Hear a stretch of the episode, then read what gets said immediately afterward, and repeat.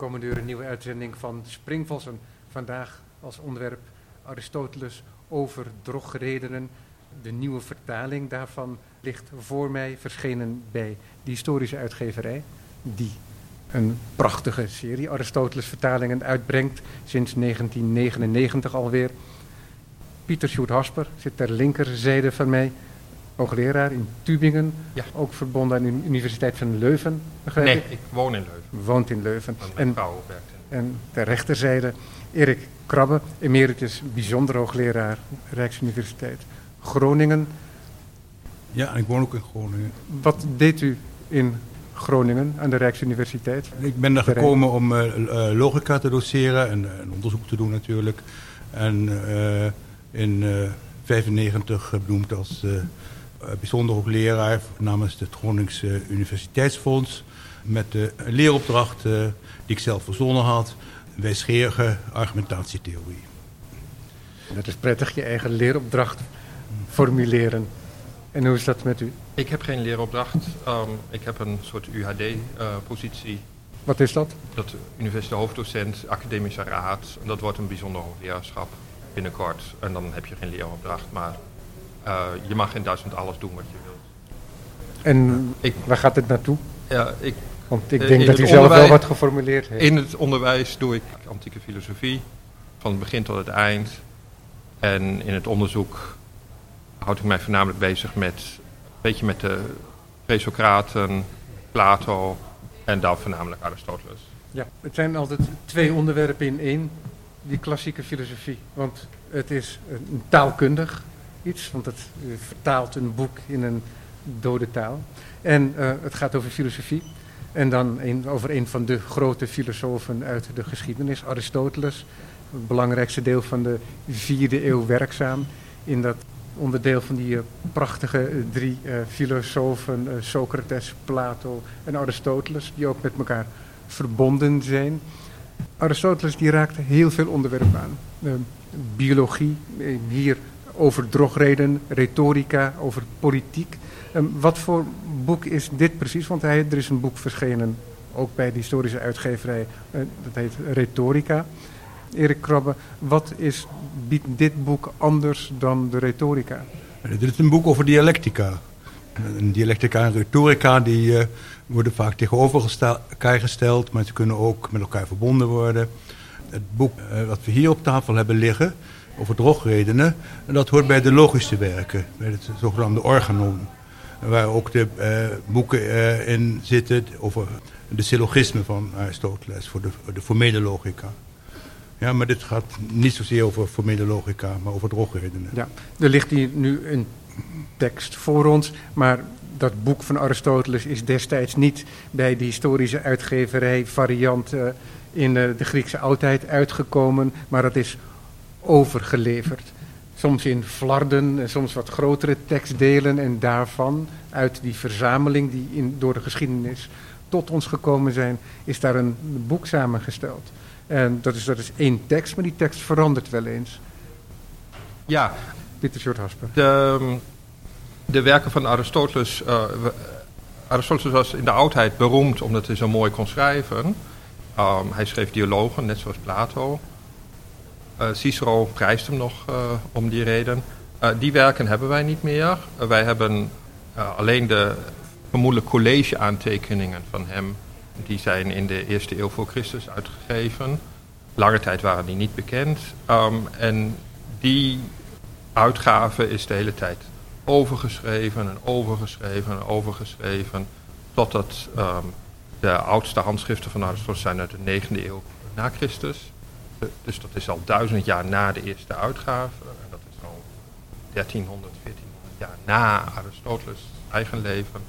En daar is het wel het, eh, het een en ander veranderd. Omdat de lezers vonden dat het niet allemaal duidelijk was. Omdat het verkeerd is overgeschreven en dergelijke. Ehm, en dus moeten wij op basis van de handschriften die wij hebben, nog over hebben vanaf de 9e eeuw na Christus. Ehm, en nog enige vertalingen in het Arabisch en het Latijn. Moeten wij proberen te reconstrueren hoe die eerste uitgave eruit zag. En ehm, daarbij kun je hele nieuwe dingen ontdekken. Dat er ineens heel iets anders stond dan wat mensen dachten uh, dat er stond. Omdat het verkeerd is overgeleverd. En u bent nu ook betrokken bij een nieuwe uh, teksteditie? Ja, ik heb een nieuwe teksteditie van dit werk gemaakt. Uh, de, de oorspronkelijke titel heet, is over sofistische weerleggingen. Sofistisch weerleggingen die, die niet helemaal oké zijn. Dus daarom zijn het drogheden. En um, dat werk heb ik min of meer afgesloten. Ik heb een, nieuwe groep handschriften ontdekt die nog nooit gebruikt zijn. Met op enkele plaatsen hebben die handschriften uh, varianten die duidelijk beter zijn dan alle, wat in alle andere handschriften staat. Mag ja. ik u dan onderbreken? Want hoe ontdekt men nu nog, anno 2019, nieuwe handschriften? Oh, die handschriften die, die zijn wel bekend, maar het is, een ontzettend, is ontzettend veel werk om die te lezen. Want je moet ze gaan vergelijken met een uitgave en je moet alle afwijkingen van die uitgave op gaan schrijven. Uh, om uit te vissen waar, hoe die handschriften uh, zich tot andere handschriften verhouden. Mag, en ik, mag ik vragen, ja. hoeveel van die handschriften bestaan daar? Um, Bijvoorbeeld van dan over Dit werk zijn er 84. 84, dus dat is op zich overzichtelijk. Tot 1500 is dat. Dat geef ik je te doen om het allemaal te lezen, maar ja. het is op, wel overzichtelijk nog. Ja, nou het heeft mij uh, 2,5 jaar gekost om, uh, om 15 handschriften helemaal. Een aardige investering. Ja, dat is, uh, maar de opbrengst, in het begin, je wordt er zo langzamerhand ingezogen. In het begin begin je en dan heb je een, opeens zie je daar um, varianten die je nog niet kende en die zeer interessant zijn. En waarvan ik, nou dat zijn itere varianten dan, dan die wij kennen. En dan wil je meer weten. Um, en het aardige is dat je op basis daarvan ook uh, tot andere interpretaties kunt komen. En je kunt andere interpretaties van vakgenoten, um, concurrenten in feite, kun je uitsluiten. Want jij, jij begint, bent degene die de spelregels kan veranderen van het spelletje uh, van uh, interpreteren. Uh, jij kunt zeggen, nou nee, dat is de tekst die wij moeten lezen gezien de situatie van handschriften. Maar ja, precies, want dit gaat dan over filosofie, dit gaat dan over de, het klassieke Grieks, maar het gaat ook over de overleveringsgeschiedenis van die teksten dan. Want ja. niet elke tekst heeft dezelfde, laten we zeggen, autoriteit is dan het woord, denk ik. Ja, ja nee, wat je moet doen is, um, je moet in principe alle handschriften bekijken en ook alle andere bronnen en dan een soort stamboom proberen te construeren van hoe zij tot elkaar verhouden. Maar die stamboom die bestond al, neem ik aan, van die 85 boeken? Nee, die moet je zelf proberen uit te vissen. Want die bestaat nog niet. En mijn stamboom is ook nog niet volledig. Want ik heb nog niet alle 85 gedaan. Maar ik heb wel de belangrijkste gedaan. Er zijn niet, geen handschriften meer die echt interessant zijn. Dat heb ik uit kunnen sluiten. En dat gaat dan op basis van hoe geloofwaardig ze zijn? Als... Nee, het gaat er op basis van hoe... Um, handschriften zijn verwant als uh, fouten. Um, verwante fouten Verwante fouten ja. hebben. Zo kun je verwantschapsrelaties vaststellen. Verschrijvingen of misinterpretaties ja, ja, van woorden. Dus ontbreekt een woord, ontbreekt een hele zin, uh, wordt iets anders uh, woorden ingedeeld en dergelijke. Grammatica verandert een klein beetje. Ja, het is bijna ironisch dat dat spel ook speelt dan in een boek dat gaat over sofistische weerleggingen, uh, waarin dingen verstopt zitten als het ware. Alleen is, dit dan, is dat dan zonder intentie. ja. Uh, nou, soms zijn ze ook een intentie bij. Er zijn ook uh, aardige plaatsen waar de tekst in, de, in het verleden opzettelijk veranderd moet zijn. Als in interpretatie? Ja, of, als, interpretatie. Als, een als, een correctie als het ware op de tekst? Correctie, maar de, of beter, dan dachten ze, ach, dit, Aristoteles bedoelt dit. Dan ging, maar dat, dat lijkt hij dan toch niet helemaal te zeggen. En dan heb je niet over glotsen? Nee, dan, gaat hij, dan gaan ze echt veranderen in de oh. tekst. En dan, je hebt handschriften door heel veel uitgekrast ja. en dan wordt het... En tegenwoordig zou je dat dan als een soort kritische noot erbij voegen. Ja, ja. Maar destijds ja, uh, schoot men er niet voor terug nee, om de tekst niet. gewoon te veranderen. Tuurlijk niet. Nee, dat is, dus, dat is heel veel werk om dat uit te zoeken. Um, het is wel verslavend werk. Maar het is een soort detectivewerk. Um, bij mij is het voortgekomen uit uh, de behoefte. Er waren van die plaatsen dan. Dan keek je in het kritisch apparaat. Uh, in tekstuitgave heeft altijd het kritisch apparaat waarbij verschillende handschriften genoemd worden. En um, dan stond daar of dat de uh, uitgever had gezegd: Nou, ik geloof niks van die handschriften. Ik geloof dat het zo en zo, Aristoteles zo en zo heeft geschreven. En meestal had hij dan ongelijk, kon ik laten zien. Of dat er plaatsen waren waar de handschriften verdeeld waren en op basis daarvan de, hands, de interpretaties uiteenliepen. En dan gingen mensen zeggen, nou ja, die handschriften die komen ons best beter te pas. En dan gingen ze die. En dan wilde ik de, de zaak beslissen. Uh, om uit te vinden wat, wat er nu werkelijk stond. En, uh, en toen van het een komt het ander, dan ontdek je steeds meer. En dan aan het eind heb je een nieuwe tekst. En die zou dan het een jaar of honderd moeten volhouden. En zijn er dan hele ingrijpende nieuwe vondsten? Um, ja, in, de, de, um, in het tweede hoofdstuk uh, worden een aantal manieren van discussiëren gedefinieerd. En de definitie van uh, sofistische uh, weerleggingen is, daar is behoorlijk wat aan toegevoegd. Daar zijn twee frases toegevoegd en die kunnen, kun je allemaal schrappen. Later wordt een heel voorbeeld door een andere woordindeling van in de zin, wordt helemaal onherkenbaar. Ja, um, misschien, en, is het, misschien is het aardig om daar in, in het loop van de komende ja. uur, komt dat wel weer terug dan, ja. om daar een specifieker naar te kijken. Want ik ben ook nieuwsgierig, Erik Krabbe, wanneer dit project begonnen is. Want je moet zo'n project samen doen. Dus dat betekent dat er toch wel uh, enige overeenstemmende ideeën zijn ook, denk ik, over het werk van Aristoteles, of juist niet? Nou, het, het begon ermee uh, dat we gingen praten over die sofistische weerleggingen, nog voordat de uitgever ons voorstelde om die vertaling te maken. En het begon ermee dat ik uh, het stukje moest, moest schrijven over een bepaalde drogreden, de taalvorm drogreden en, uh, en, en, daar had ik toch eigenlijk wel wat uh, advies voor nodig van iemand die er wat meer van afwist. En ik dacht dat uh, Pieter Sjoerd er meer van afwist en niet ten onrechte. En, en toen kwam we in gesprek. En dat gesprek dat duurde mij. En dat, ja, dat, het, Want wanneer speelt, tijd, wanneer speelt je Ja, dat heb ik niet af? helemaal kunnen reconstrueren. Maar ik weet wel wanneer ik die, de voordracht hield over die taalvorm drogeren. Dat was in ieder geval ergens in 1996.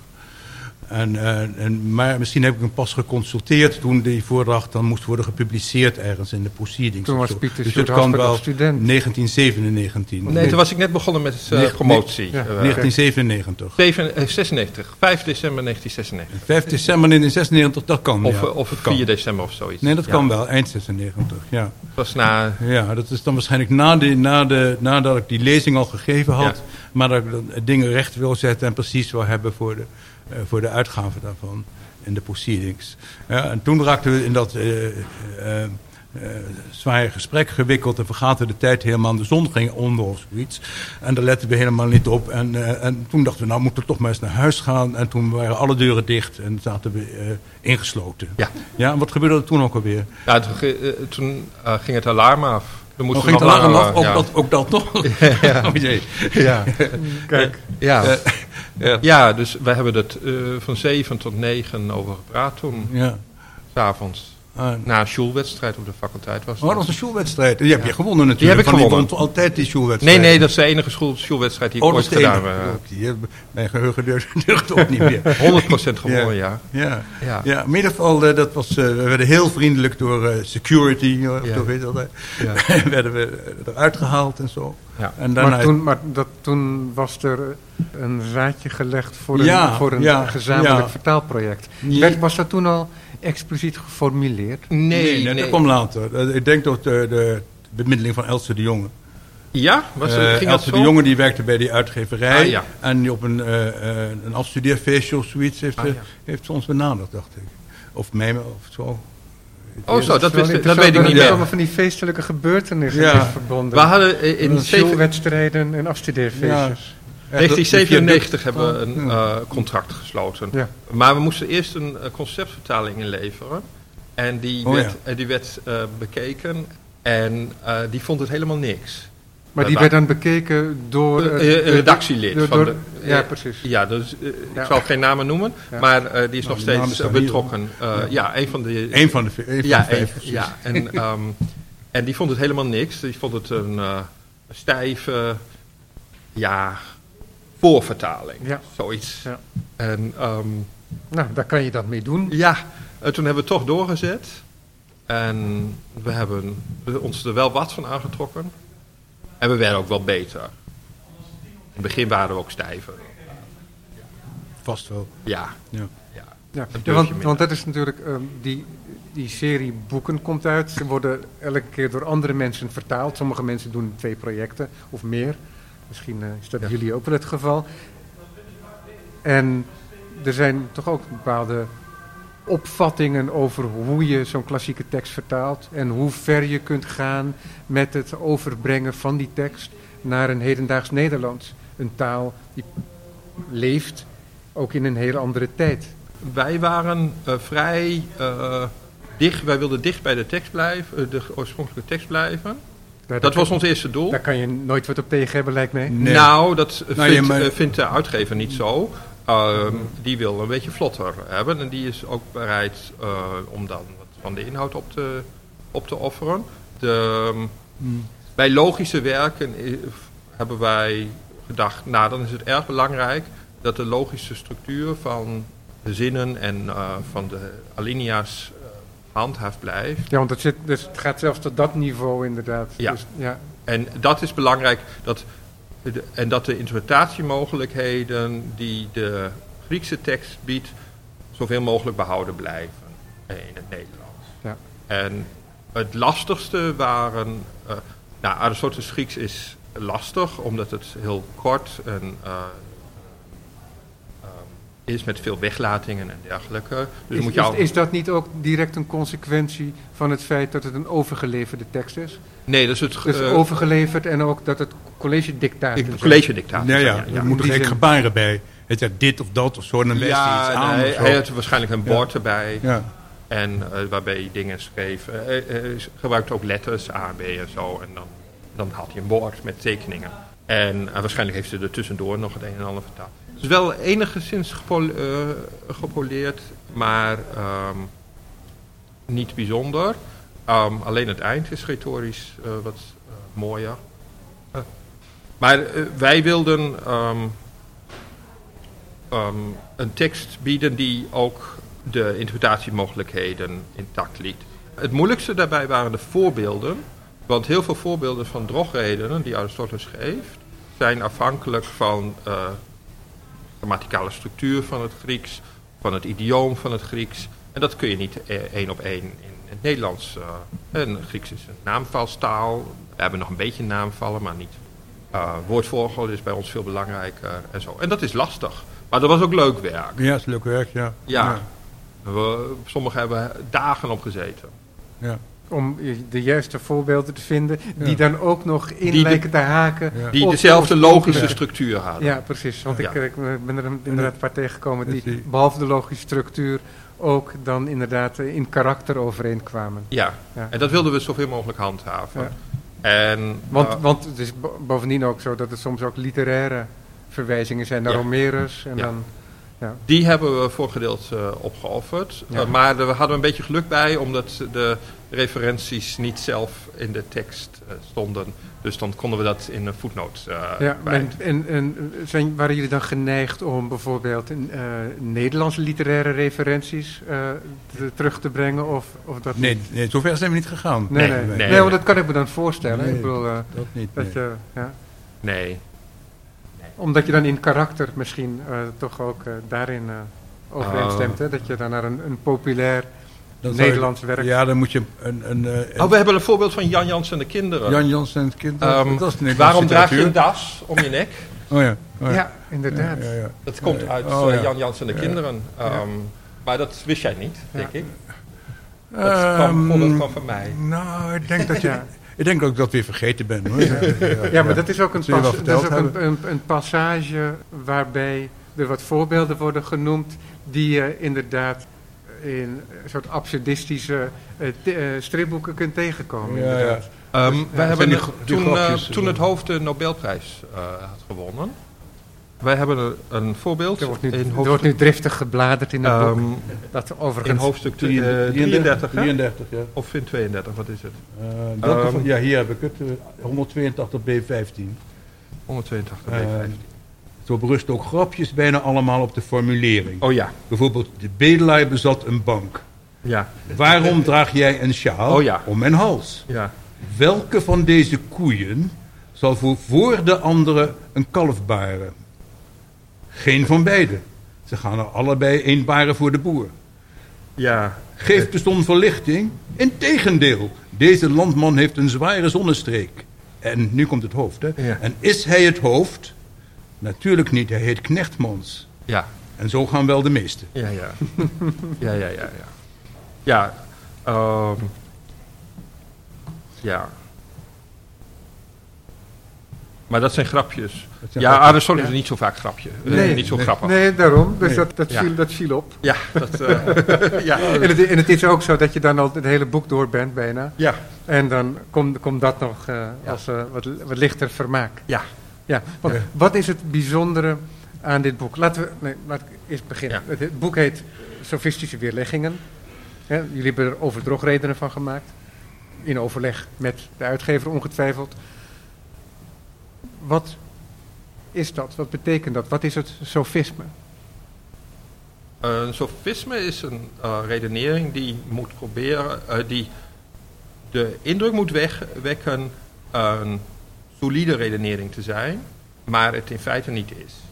Dus eh, er zijn twee voorwaarden. Het een sofisme mag geen solide redenering zijn, maar moet wel die indruk wekken. Ja. En heel veel drogredenen in moderne eh, taalgebruik, daar ont, ontbreekt nog maar eh, wel eens aan dat eh, indruk wekken, dat het solide is. Dan, als je heel veel drogredenen toepast, die, die zie je direct. Ehm, Zoals die grapjes. ja, Ja. bijvoorbeeld. Ja, dan zie je dadelijk dat er iets... Dat, dat zijn geen drogredenen. Ehm of sofismen. Sofismen, niet solide, toch de indruk wekken. Ja, ja want um, in deze verspreking, Ja. dat is wel interessant, want het heet eh, so- ehm, sofistische weerleggingen. Ja. Maar je zegt dus, ja, het, het is geen sofisme, maar het, is, maar het kan wel een drogreden zijn. Hè, die voorbeelden die zojuist genoemd zijn. Oh, ja, eh, drogreden heeft, Maar- is maar- een beetje breder ge- nu geworden. In het Nederlands. Ja, hè? Ja. Nou, Ze moeten bedriegen, hè, Ja, en, en er is natuurlijk ook vaak de opvatting dat er, en dat er de filosofische opvatting is van een woord, en dat er een, een algemeen publiek gebruik is van het woord. En zit het misschien daarin dan? Het is Nou. altijd, altijd zo dat filosofen en theoretici die geven een eigen definitie en die maken er iets anders van. Hè? En dat, is, dat, dat mag ook. En zo, dus bij, bij de argumentatietheorie van de Pragma-dialectische school hier in uit Amsterdam, hè, dan is een drogreden is een overtreding van een regel voor redelijke discussie. Ja. Ja, En, en dat niet is, per definitie gecamoufleerd. en dat, eh, dat is. Nee, nee, dat wordt niet nee, dat, nee, dat, nee, dat wordt staat er helemaal niet bij. Nee, nee, nee. Ja. Nee, maar natuurlijk heb- hebben ze, houden ze zich even goed bezig met eh, waar de schone schijn vandaan komt Ja. en dat soort kwesties. Ja. Ja, maar de, de, de schone schijn van een mooie redenering, van een goede redenering, is minder belangrijk geworden. Ja. Die is een integraal onderdeel van de theorie van Aristoteles en, en nu minder. Ja. Dat boek dat is voortgebracht door zijn tijd. Het is verbonden aan de, aan de persoon Aristoteles. Dus laten we zeggen dat Aristoteles het met zijn studenten te boek heeft gesteld. Maar het komt niet uit het niets voort. Het komt voort uit een eh, bepaalde maatschappij waarin dat van belang was. Een bepaalde discussie, de cultuur. Erik. Ja. Dat een, op de achtergrond staat een, eh, een, eh, eh, eigenlijk de, de academie van Plato, waar mensen met elkaar in gesprek gingen. En, en, en de activiteiten voortzetten die je al, die je al bij Socrates vindt. En, en probeerde een, elkaar stellingen te weerleggen en dat soort dingen. Ja. Ja. Als, als we het dan eh, over hebben, want dan lijkt het net alsof we het over de hele maatschappij hebben. Maar we hebben het maar over een hele kleine bovenklasse. Bij wie dat het geval was, stel ik me voor. Nou, Of, eh, of geef ik eh, daarmee een heel zwaar vertekend beeld? Ik denk dat je, nee, dat je dat wel kunt zeggen. Dat, je- dat je op de, naar die academie toe te gaan, eh, moest je eh, eh, toch een, man zijn en je moest eh, geen slaaf zijn. Hè? En eh, je moest ook de vrije tijd hebben daarvoor. Ja, dus die, Dus, eh, die, eh, die academie bestaat, eh, die academie die bestaat al in een maatschappij waarin een bepaalde groep mannen zich vrij kan maken van werk Mhm. om gezamenlijk te discussiëren en na te denken over de wereld, de taal, de mores, Ja. politiek. Ja. En jullie geven ook een van de andere grote voorbeelden die altijd genoemd wordt. En dat is dat er daar op de marktplaats over politiek werd gesproken en dat er politieke inspraak was. Dat gold ook niet voor iedereen. En dat dat ook aanzet heeft gegeven tot een theoretisering. Ja, omdat, eh, omdat er die politieke discussies waren, was er enorme belangstelling voor redeneringen. En, want eh, dan moest je dus eh, de, in, de volksvergadering moest je proberen elkaar te overtuigen om dit of dat te doen. En, het, en dat gold ook voor de rechtszaal natuurlijk. Dat was de andere context waarin het redeneren heel belangrijk was en eh, naar voren kwam. En dat, eh, dat heeft er dus wel mee te maken dat het een ingewikkelde, gecompliceerde maatschappij was met dat soort instellingen als, een, als bepaalde politieke instituties en, en rechtsinstituties. En niet een maatschappij waar gewoon één man eh, de hoofdman was en alle bevelen gaf, zeg maar. Nee, Ja. en je kunt het ook een beetje eh, plaatsen tegenover de, ehm, de ontwikkelingen in die tijd. De opkomst van de democratie is eh, in, feite een verlies van macht van de elite. En die het tot 450 of zo voor het zeggen had. En zo komt die de- democratie langzamerhand op. En dan wil, eh, die elite wil zijn macht handhaven. En hoe doe je dat? Door te zorgen dat jouw kinderen eh, goed geschoold zijn. En daar in van alles. In, eh, zodat ze zich eh, eh, invloed konden hebben in de politiek. En eh, daarvoor heb je leraren nodig. Dat waren de sofisten. Die werden dan betaald. En Socrates is ook een soort sofist. Alleen hij vroeg geen geld. En daarom kunnen Plato en Aristoteles hem afportretteren als iemand die moreel beter is. En die, en die cultuur, bij je, die leraren, eh, die moeten ook onderwijs geven, die eh, gaan ook theoretiseren. En zo in die cultuur moet eh, de opkomst van filosofie ook begrepen worden. Ja, en dan zijn er ook altijd mensen die graag eh, de route willen afsnijden. Ja. En Ja. niet per definitie het moreel hoogstaande willen, maar die willen gewoon winnen. Ja. En dat is dan de achtergrond misschien van de, de Griek is niet zo menselijk eh, onbekend. Nee, Eh, om eh, die sofistische eh, weerleggingen, om die, dat komt daaruit voort. Omdat er mensen waren die uitspraken deden die logisch in orde lijken, maar dat uiteindelijk niet zijn. En Aristoteles die brengt dat kennelijk helemaal in kaart. Dus dat is typisch iets dat er een praktijk bestaat en dat die praktijk vervolgens bediscussieerd is geweest. En dan wordt, daar, werd, wordt dat ehm, eh, geformaliseerd. Ja, tot op zekere hoogte is, eh, wordt het geformaliseerd. Er wordt een, eh, Aristoteles heeft een, een soort formele theorie van drogredenen. Er zijn zoveel mogelijke drogredenen. Hij heeft zelfs een argumentatie dat het er niet meer kunnen zijn. Het kunnen precies 12 zijn of 13, dat hangt een beetje van af. Ehm, en als je dat reconstrueert, dan de logische achtergrond, dan kunnen het er ook niet meer zijn. Dat klopt dan, zijn observatie. Maar dat is theorieafhankelijk van een bepaalde opzet van discussies. eh, dat je iemand gaat wil, eh, weerleggen en wel, eh, wel, hoe die discussies gestructureerd zijn. En op basis daarvan kun je dan een theorie opstellen. Dat is wat hij gedaan heeft. En daar heeft hij allerlei voorbeelden die toch al bekend waren, ingepast. Ja, dus En sommige dus- ja. voorbeelden passen beter dan andere. Ja, dat is in principe wat hij gedaan heeft. Ja, want hij doet een redelijk bouwde uitspraak in die zin dat veel boeken in, eh, tot stand komen doordat er al veel eh, door anderen gedacht is. Ja. Maar vergist u zich niet, dat is zeker niet het geval bij, dit, bij dit boek. Dus hij eigent zich nogal wat toe. Ja, dat is een mooie, mooie passage hè? Aan, Ja. aan, aan het Ja. eind van... eh, van het- Ja, misschien is het aardig om dat, om dat voor te lezen, maar Ja. ik, ik weet niet of ik Even hem dan... kijken, kijken hoeveel zal ik ervan lezen. Het begint eigenlijk hier, Ja, dat is een heel en eind. dat is wel veel, hè? Ja, Ja, Eh, maar als ik hier eens begin, eh, bij eh, 183b35. Want dan heeft hij het eerst gehad over de retorica, moet ik zeggen, waarbij dan, uh, uh, daar kan ik nog wel even meenemen, uh, dat het, een paar zijn daarmee begonnen en toen hebben de pioniers het vak stap voor stap verder ontwikkeld. Hè, Thesias en na Thesias Thrasymachus en na hem Theodorus en ook vele anderen, die hebben vele onderdelen bijgedragen. En zo is dan ook geen wonder dat dit vak, de retorica dus, een zekere omvang heeft bereikt.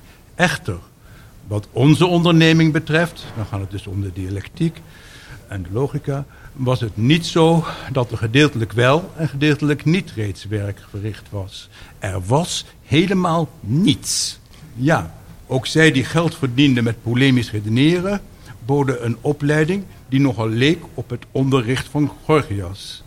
Maar de laatste namelijk retorische redeneringen opgaf om uit het hoofd te leren, deden zij dat met op gevraagde punten gebaseerde redeneringen, steeds in de mening dat de meeste van hun respectieve redeneringen daaronder zouden vallen. Juist daarom was het onderwijs dat de leerlingen van hen kregen wel vlot, maar niet vakkundig. Ze meenden immers dat ze een opleiding konden geven door niet het vak, maar het resultaat van het vak aan te bieden. Net zoals wanneer iemand zou beweren kennis over te dragen om pijn aan de voeten te voorkomen, niet het vak van schoenmaker zou onderwijzen en ook niet waar je je van schoenen zou kunnen voorzien, maar je een heel assortiment schoenen zou aanbieden. Zo iemand heeft dan wel de nood gelenigd, maar geen vakkennis overgedragen. Ook bestond daar op het gebied van de retorica de vele bovengenoemde oudere bijdragen, maar hadden, we, hadden wij aanvankelijk op het gebied van het deductief redeneren geen enkele bijdrage te melden. Behalve dan, dan dat we zelf lange tijd druk bezig waren met intensief onderzoek. Als wij bij de bestudering van het werk de indruk hebben dat onze aanpak, gelet op zijn begincondities, zich kan meten met de andere vakgebieden die zich hebben ontwikkeld op basis van traditie, resteert ons allen, of onze toehoorders, de taak clementie te betrachten voor de tekortkomingen van onze aanpak en zeer dankbaar te zijn voor onze bevindingen. en dat is het eind van het boek. Ja, prachtig. Dat, is bijna, dat is het tegendeel van de nawoorden die tegenwoordig worden geschreven, waarin de hele wereld bedankt wordt eerst. Ja, maar goed. maar de hele wereld mag Aristoteles dankbaar zijn. Ja, ja, daar ben ik het ook wel een beetje mee eens.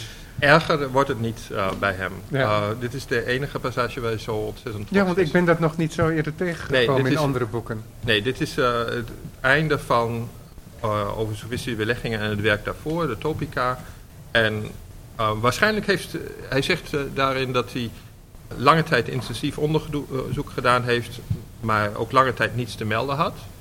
En waarschijnlijk uh, bedoelt hij daarmee dat die definitie van wat een sluitende redenering is, die hij in het begin van dit werk geeft, dat hij, dat hij die pas later ontdekt heeft. Dat hij eerst zich wel met argumenten uh, bezig hield, maar zonder de streng logische blik die hij later heeft. Ja, want het gaat niet om zomaar een, uh, een open tweegesprek. Hij legt dat vast. Dat is dan iets wat hij dan uitvindt, wat hij formuleert. Nou, de procedure bestond, bestond waarschijnlijk. Die is waarschijnlijk zo al uh, langzamerhand, uh, Erik schetst het al, in de Platoonse Academie ontstaan. Ja. Uh, als verdere ontwikkeling van Socrates, Socratische dialogen, um, en geformaliseerd. met strenge rolverdeling en wat, wat je mag doen en wat je niet mag doen in zulke discussies.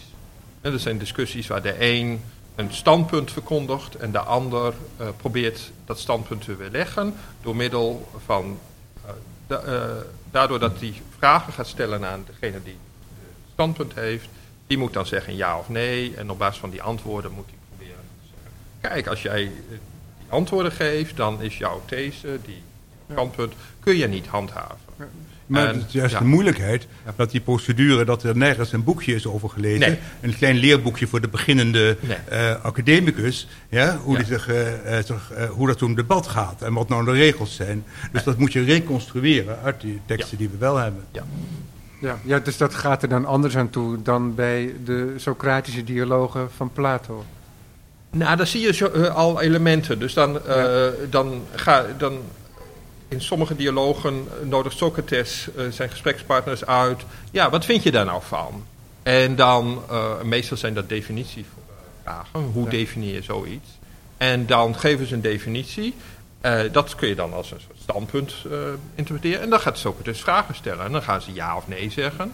En Socrates is nogal slim in het vragen stellen. En dan na, na verloop van tijd zegt hij ja, maar als je die antwoorden geeft, dan kan jouw definitie niet kloppen. Waardoor degene met wie jij spreekt, als het ware zonder interventie bijna, als vanzelfsprekend, de uitspraak doet. Ja, dus, ja en dan... Socrates, Socrates laat hem als het ware uh, spreken. He, dat is dan, uh, laat hem bevallen van de gedachte, is dan het woord meestal geloof ik. Oh ja, nou, oh, oh, dat zijn geen bevallingen meer. Het, hoor. Gaat, het gaat wel heel moeizaam. Hè? Ja. Hele moeilijke bevallingen. Want, als je Protagoras bijvoorbeeld ziet aan het eind, als hij verlegd wordt, die uh, heeft helemaal geen zin meer een antwoord geven. Het zijn meer doodgeboren kinderen, ja. Die zegt van, als je dat dan zo wilt dat het zo is, dan is het maar zo. zo het is daar, wel duidelijk dat hier alleen maar mannen aan tafel zitten. Want ik denk dat vrouwen een heel ander idee hebben over het gemak van de bevalling. Um, ja, maar misschien is het aardig om inderdaad uh, specifiek stap voor stap uiteen te zetten dan waar die formalisering uh, dan uit bestaat. Erik Robben. De formalisering, nou, dat kan Pieter Soert beter doen, want okay. ja? dat is jouw, jouw mooie Oh, nou, de, theorie. De, de, de, de, de, formalisering van wat? Van de theorie of van de, van de discussie? Van de discussie. Oké. Okay. Um, nou, de, de, uh, er zijn twee partijen. De een uh, noemen wij de uh, vragensteller en de ander de antwoordgever. De antwoordgever moet antwoord geven op de vragen van de vraagsteller. Dat zijn twee rollen. De antwoordgever krijgt in het begin een vraag: wat vind je van hiervan? Van een bepaalde filosofische kwestie. En dan moet de antwoordgever zeggen: nou, ik, ik zeg zo en zo. Goed handelen bestaat er in je geneugten te volgen Dat zou, uh, um, of zoveel mogelijk geneugten te verzamelen. Hè, dat zou een hedonist zeggen. Um, dat is dan de stelling van de antwoordgever. De vragensteller wil, en dat is ook zijn opdracht in die discussie, wil die stelling weerleggen.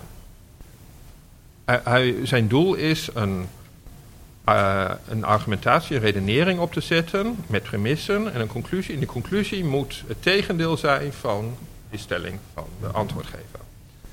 Maar hij heeft die premissen nodig. Die premissen moet hij krijgen van de antwoordgever. En die krijgt, dan gaat hij vragen stellen.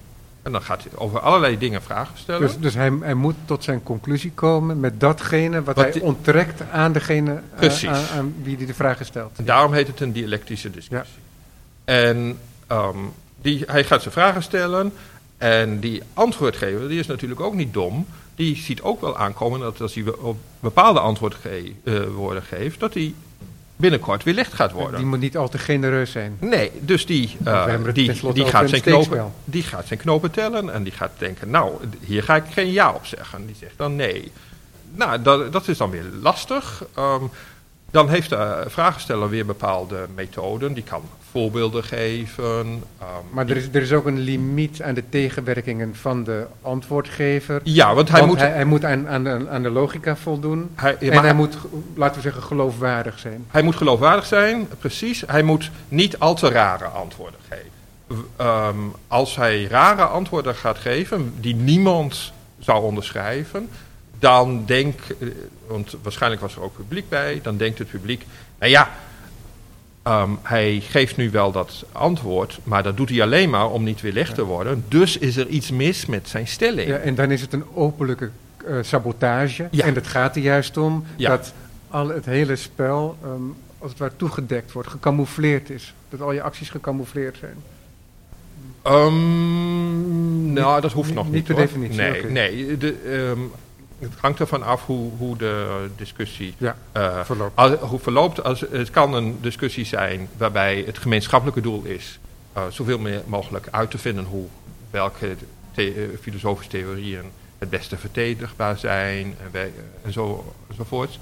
maar het kan ook zijn dat je in een discussie belandt waarbij die, um, de vragensteller bijvoorbeeld kost wat kost wil weerleggen omdat hij um, de schijn wil doen ontstaan dat hij beter is Ehm, Die dwarslicht bijvoorbeeld. hè? en, en, dan, eh, ja, en, dan, en dan, dan kan, hij, eh, kan de vraagsteller drogreden gaan proberen toe te passen. En dan gaat hij die antwoorden die hij krijgt, die gaat hij een beetje manipuleren, eh, zodat die, dat die redenering die je opzet heel mooi lijkt, maar het niet helemaal sluitend is. Maar dat doe je dan, dan neem je pas je toevlucht toe als je denkt Mm. dat je het met eigenlijke argumenten niet redt. Ja, nou, dat zou je. Dat, ja, oh, maar dat zijn de ijverige mensen. De mensen die wat luier zijn, die doen het wat sneller. Hè? En, ehm, en eh, die. ehm, om je te verdedigen tegen zulke mensen. Daarvoor is dit werk ook eh, bedoeld. Het is een soort eh, zelfverdedigingshandboekje. Tegen mensen die drogreden gaan toepassen. om eh, de schijn. op- Martiale filosofie. ja, die, eh, eh, zodat ze, want iemand die beter is in discussiëren, en dat, dat geldt in, in ons eh, samenleving ook nog steeds, beter is in politiek discussiëren bijvoorbeeld, eh, die vinden wij aantrekkelijker. Of schoon we tegenwoordig geen drogreden meer nodig hebben. Nee. maar dat, zo, zo werkt dat natuurlijk Ja. wel. Eh, want zo iemand wekt de indruk ehm, deskundig te zijn Ja. op een of andere manier. En iemand die, eh, die, die weet waar, waar hij het over heeft. En eh, dus als je goed drogreden kan toepassen, dan kun je sneller de indruk wekken dat jij deskundig bent. Dat zeg, is iets wat Aristoteles zelf ook in de Ja. inleiding zegt. Ja. Eh, Mag ik dan weer Ja. teruggaan? Dus een, er wordt een, eh, een onderwerp hm, voorgesteld. Een eh, probleem. Ja. Wat ook zo heel mooi eh, etymologisch verklaren jullie dat, dat problema iets is, iets naar voren werpen. Ja, dat die in de groep wordt geworpen. Ja. Ja. Ja, Dat is heel mooi. En dus, dat is die tweestrijd die bevindt dan ook, die speelt zich dan ook af voor een publiek. De antwoordgever die kan daar ja of nee op antwoorden, maar die mag ook iets formuleren. Je hoeft niet per definitie met ja of nee te antwoorden. Ehm, die moet in principe ja of nee antwoorden. Ja. Of- En dan, eh, maar hij mag eh, iets toevoegen in de zin van verduidelijkingen en dergelijke. en, ja, precies. En datgene wat de antwoordgever hem geeft, dat moet de vraagsteller gebruiken Ja. om weer een nieuwe stelling om, in de machine te gooien. om, eh, om een redenering op te zetten. Ja. En eh, die redenering heeft een conclusie. En die conclusie moet op een of andere manier problematisch zijn voor de oorspronkelijke stelling van de antwoordgever. De tegengestelde zijn er. Ja. ja. Of, eh, of anderszins problematisch zijn. Ja. En de antwoordgever, mag die dan nog in het geweer komen tegen die conclusie? Ja, die mag, maar dan maak je niet zo'n goede indruk als antwoordgever. Eh, als je dat niet zie- aan ziet komen, zegt Aristoteles. Die kan- maar die kan zeggen, nou, eh, jij hebt hier een drogreden toegepast. Dat mag hij, maar het is beter dat hij dat aan ziet komen. Want als je nu in het geweer komt, dan ben je eigenlijk te laat. Je Ja. had het al moeten voorzien. Ja. Ja. Als je getraind bent in Ja. de regels Ja, maar van de zo had ik dat niet bedoeld. Hè? Ja, Dat, eh, ja. dat, dat komt nooit overtuigend over. Nee, hè? nee dat, is, dat komt niet goed over. nee, ja. nee. Dat zie je ook altijd bij politici die iets zeggen wat ze niet zo hadden bedoeld. Ja. Werd dit boek, die theorie, die formalisering, werd dat dan ook zo daadwerkelijk gebruikt? Want dat klinkt een beetje alsof dat een soort terrarium is, maar in het echte leven ehm, vond dat geen ingang. Is daar iets over bekend? Nou ja, kijk, je, eh, je hebt nu over de, eh, de formalisering van die procedure. Ja, waar we het Ja, zojuist over gehad Ja, hebben. dat- de- ik, ik ben nog verder gegaan met die formalisering door ook echt een formeel systeem te maken. In de zin Ja. van, de, van de logica, wat het zo'n beetje dat weergeeft. Deze zaken, ik geloof dat ik dat academic heb genoemd of zoiets, eh, eh, dat spel. En, en, de- maar die techniek van het maken van modellen, dat kun je ook op allerlei andere dingen toepassen. Dus dat was, eh, er ook, zijn ook allerlei andere mogelijkheden om eh, stukken van eh, discussie eh, te formaliseren. Dat is leerzaam. Je kunt er, eh, hebt dan een eenvoudige landkaart als het ware voor, voor die praktijken. En, en het is nuttig voor de kunstmatige intelligentie. Hè, want die kunstmatige intelligenties die willen ook meediscussiëren natuurlijk. Daar hebben ze ook recht op, vind ik. Ja. Hè, die moeten we mee laten praten. En dat lukt alleen maar eh, eh, als je dan ook eh, een beetje dat volgens bepaalde regels doet. Maar dat is een eh, flinke vooruitwerping. Dat is vooruitwerpen, staat niet in dit boek. Dat staat niet in dit boek. Precies. Nee, maar het begin is daar. Eh, Begin- Want Aristoteles is in principe een wetenschapper. Ja. Ehm, Ja. hij, wetenschap is het hoogste wat je kunt bereiken, vindt hij, als mens. Pas dan functioneer je echt eh, goed. En je moet dus eh, proberen wetenschappelijke eh, eh, kennis te verwerven. En dat kun je alleen kun je op verschillende gebieden doen. Eh, kun je ook op het gebied van redeneren doen. En daar, zo'n theorie heeft hij opgezet. Dat er dan iets modelmatigs aan zit, dat is niet zo erg, zolang het maar toepasbaar blijft. Zolang die kennis die je daar die, op die modellen gebaseerd is, die je maar, eh, zolang je die kennis Ja. maar toe kunt passen, Ja, want en die, die ja. discussievaardigheden Ja, kunt toepassen. ja, want wat heel mooi is natuurlijk, is dat jullie ook, dat boek heeft ook een mooie eh, bijlagen. En in een van die bijlagen staan ook voorbeelden dan eh, van eh, meetkundige onderzoekingen. Die dan ook verbonden worden met die redeneringsvorm. Dus het blijft niet alleen bij een, een alfa-gebeurtenis. Nou ja, dat, dat, is, dat komt echt zijdelings ter sprake omdat eh, in, de, in de tekst eh, de kwadratuur van de cirkel ter sprake komt. En uitgezocht moet worden of dat de v- bewijzen daarin of dat nou een drogreden is. En als het een soort van drogreden is, of dat dan een, eh, gewoon een soort van fout was, is binnen de wetenschap. Of dat iemand eh, eh, de grens overgaat en op een heel onwetenschappelijke manier praat over wetenschappelijke Ja, onderwerpen. en de kwadratuur van de cirkel, dat En, staat eh, tegenwoordig voor het willen bewijzen van het onbewijsbare. Ja, maar dat weten we pas dat het onbewijsbaar Ja. is sinds eh, eh, eh, 1882, geloof Ja, ik. want, want dat, is, eh, dat is eh, dan wel heel interessant, want Ja. we hebben het hier over de vierde eeuw Ja, ja. voor Christus. Maar dat was, niet zo, dat, was, dat, was, dat was niet mogelijk in de Aristoteles tijd om dat bewijs van Lindemans te vinden. Eh, dat heb je een ander soort wetenschap voor nodig. Een kennis van getalsoorten en zo. Ja, Eh, maar eh, Aristoteles die, zag wel duidelijk dat dat bewijs... Hij dacht, waarschijnlijk heeft hij gedacht dat het wel zou kunnen, die kwadratuur. Maar hij wist dat het in zijn tijd nog niemand gelukt was om dat, om zoiets te bewijzen. Ja, En hij verwierp alle bestaande pogingen. Ja. Ja, en sommige waren echt, lagen echt buiten de wetenschap. Eh, zoals dat, die prachtige poging dat je dan een, eh, eh, een, een veelhoek intekent in een cirkel. En dat eh, is met steeds meer hoeken. En dan komt het natuurlijk steeds dichter bij die cirkelrand. En dat iemand dan zegt, antifoon meen ik. Hè? Eh, hey, nou dan is het wel een cirkel op een gegeven moment. Hè? Dus de, en en, en zo'n veelhoek, daar kan je een vierkant van maken. Hè? Met Ja. passer en lineaal. Dus dat kan ook wel met een cirkel. Ja. Ja, dat is dan een echt een hele grote uh, drogreden. Hè? ja, want als je die plaatst inderdaad naast, eh, naast die andere, dat je nooit een afstand volledig kunt overbruggen, want je hebt altijd de helft van de rest. Ah, ja, is dat nou een drogreden? Jullie zijn toch echt hier aangekomen in de studio vandaag? Ja, maar dat kan toch eigenlijk niet? Precies. Ja, Ja. ja. Ja. dacht dat het een drogreden Ja. was. Ja. Wat voor rol heeft dit boek eh, gespeeld De, in de tijd die het overbrugd heeft en dan tot het moment dat we hier die vertaling voor ons hebben? In de middeleeuwen is, is dit een heel belangrijk werk geweest voor het ontwikkelen van eh, taal, betekenistheorieën, suppositieleer, middeleeuwse filosofie, eh, over de verschillende betekenissen van woorden, is voor een groot deel terug te voeren op eh, receptie van dit werk in de 13e eeuw. Vanaf de De 13e eeuw. universaliën discussie. Die is al iets ouder. Ehm, die begint ook al hier in dit werk, want hij mag de standpunten van Plato eh, in, over universalia niet zo.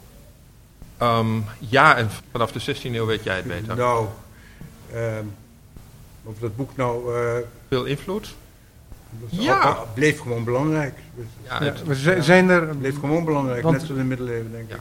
Ja, want zijn er nog nieuwe theorieën ontwikkeld in, laten we zeggen, de laatste 100 of 200 jaar over die dialectiek?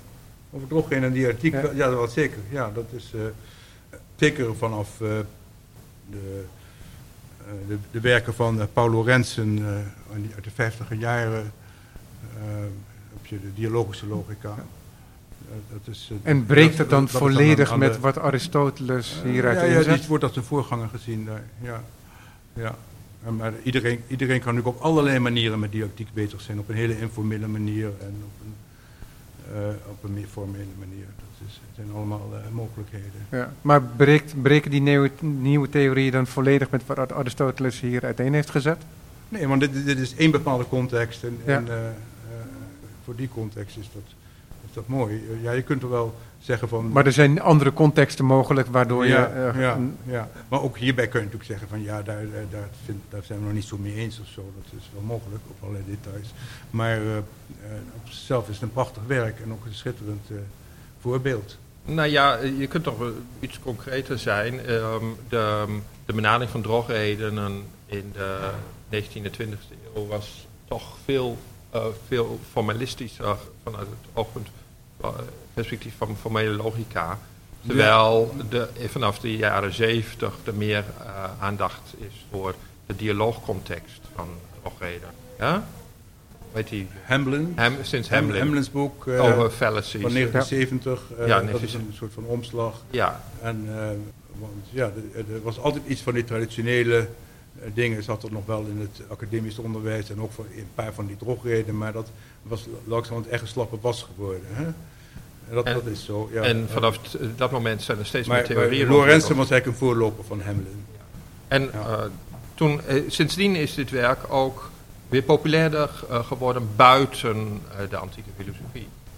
De- Ja. We hopen ook dat veel studenten Nederlands en argumentatietheorie eh, en- dergelijke Ja, dit boek, gaan lezen. Nou, ik heb het met heel veel plezier gelezen. Ja. En ook die bijlagen we dragen daar ook zeker toe bij. Ja. En eh, het is prachtig eh, vormgegeven. Er zit een mooi glossarium in waarbij alles verklaard wordt. En ik moet ook zeggen dat jullie inleiding echt ontzettend verrijkend is. Want als ik toen ik jullie inleiding had gelezen, leek het wel alsof ik het boek al een beetje kende. Waardoor het eh, veel toegankelijker werd. Ehm, ja, lof daarvoor. En we Eh. kunnen Dick Schwab nu eh, eh, het lastig maken. Hè? Met zijn idee van wij zijn ons brein. Ja, Hè, want als Dick Schwab eh, het brein van Dick Schwab is, hè, dan mag je voor Dick, voor Dick Schwab overal het brein van Dick Schwab invullen. Dus dan is, is hij het brein van het brein van Dick Schwab. En dan moet Dick Schwab ook het brein van het brein van het brein van het brein van Dick Schwab zijn. Ja? En dan, dat is geen verlegging, hoor, maar dat kunnen we het hem wel lastig maken. Erik Krabbe, dat lijkt me een prachtige conclusie. Pieter Sjoerd Hasper, ik dank u beiden voor de prachtige vertaling en voor het afgelopen uur over drogredenen van Aristoteles verschenen bij de historische uitgeverij. Ik dank Annemieke van Velde voor de techniek.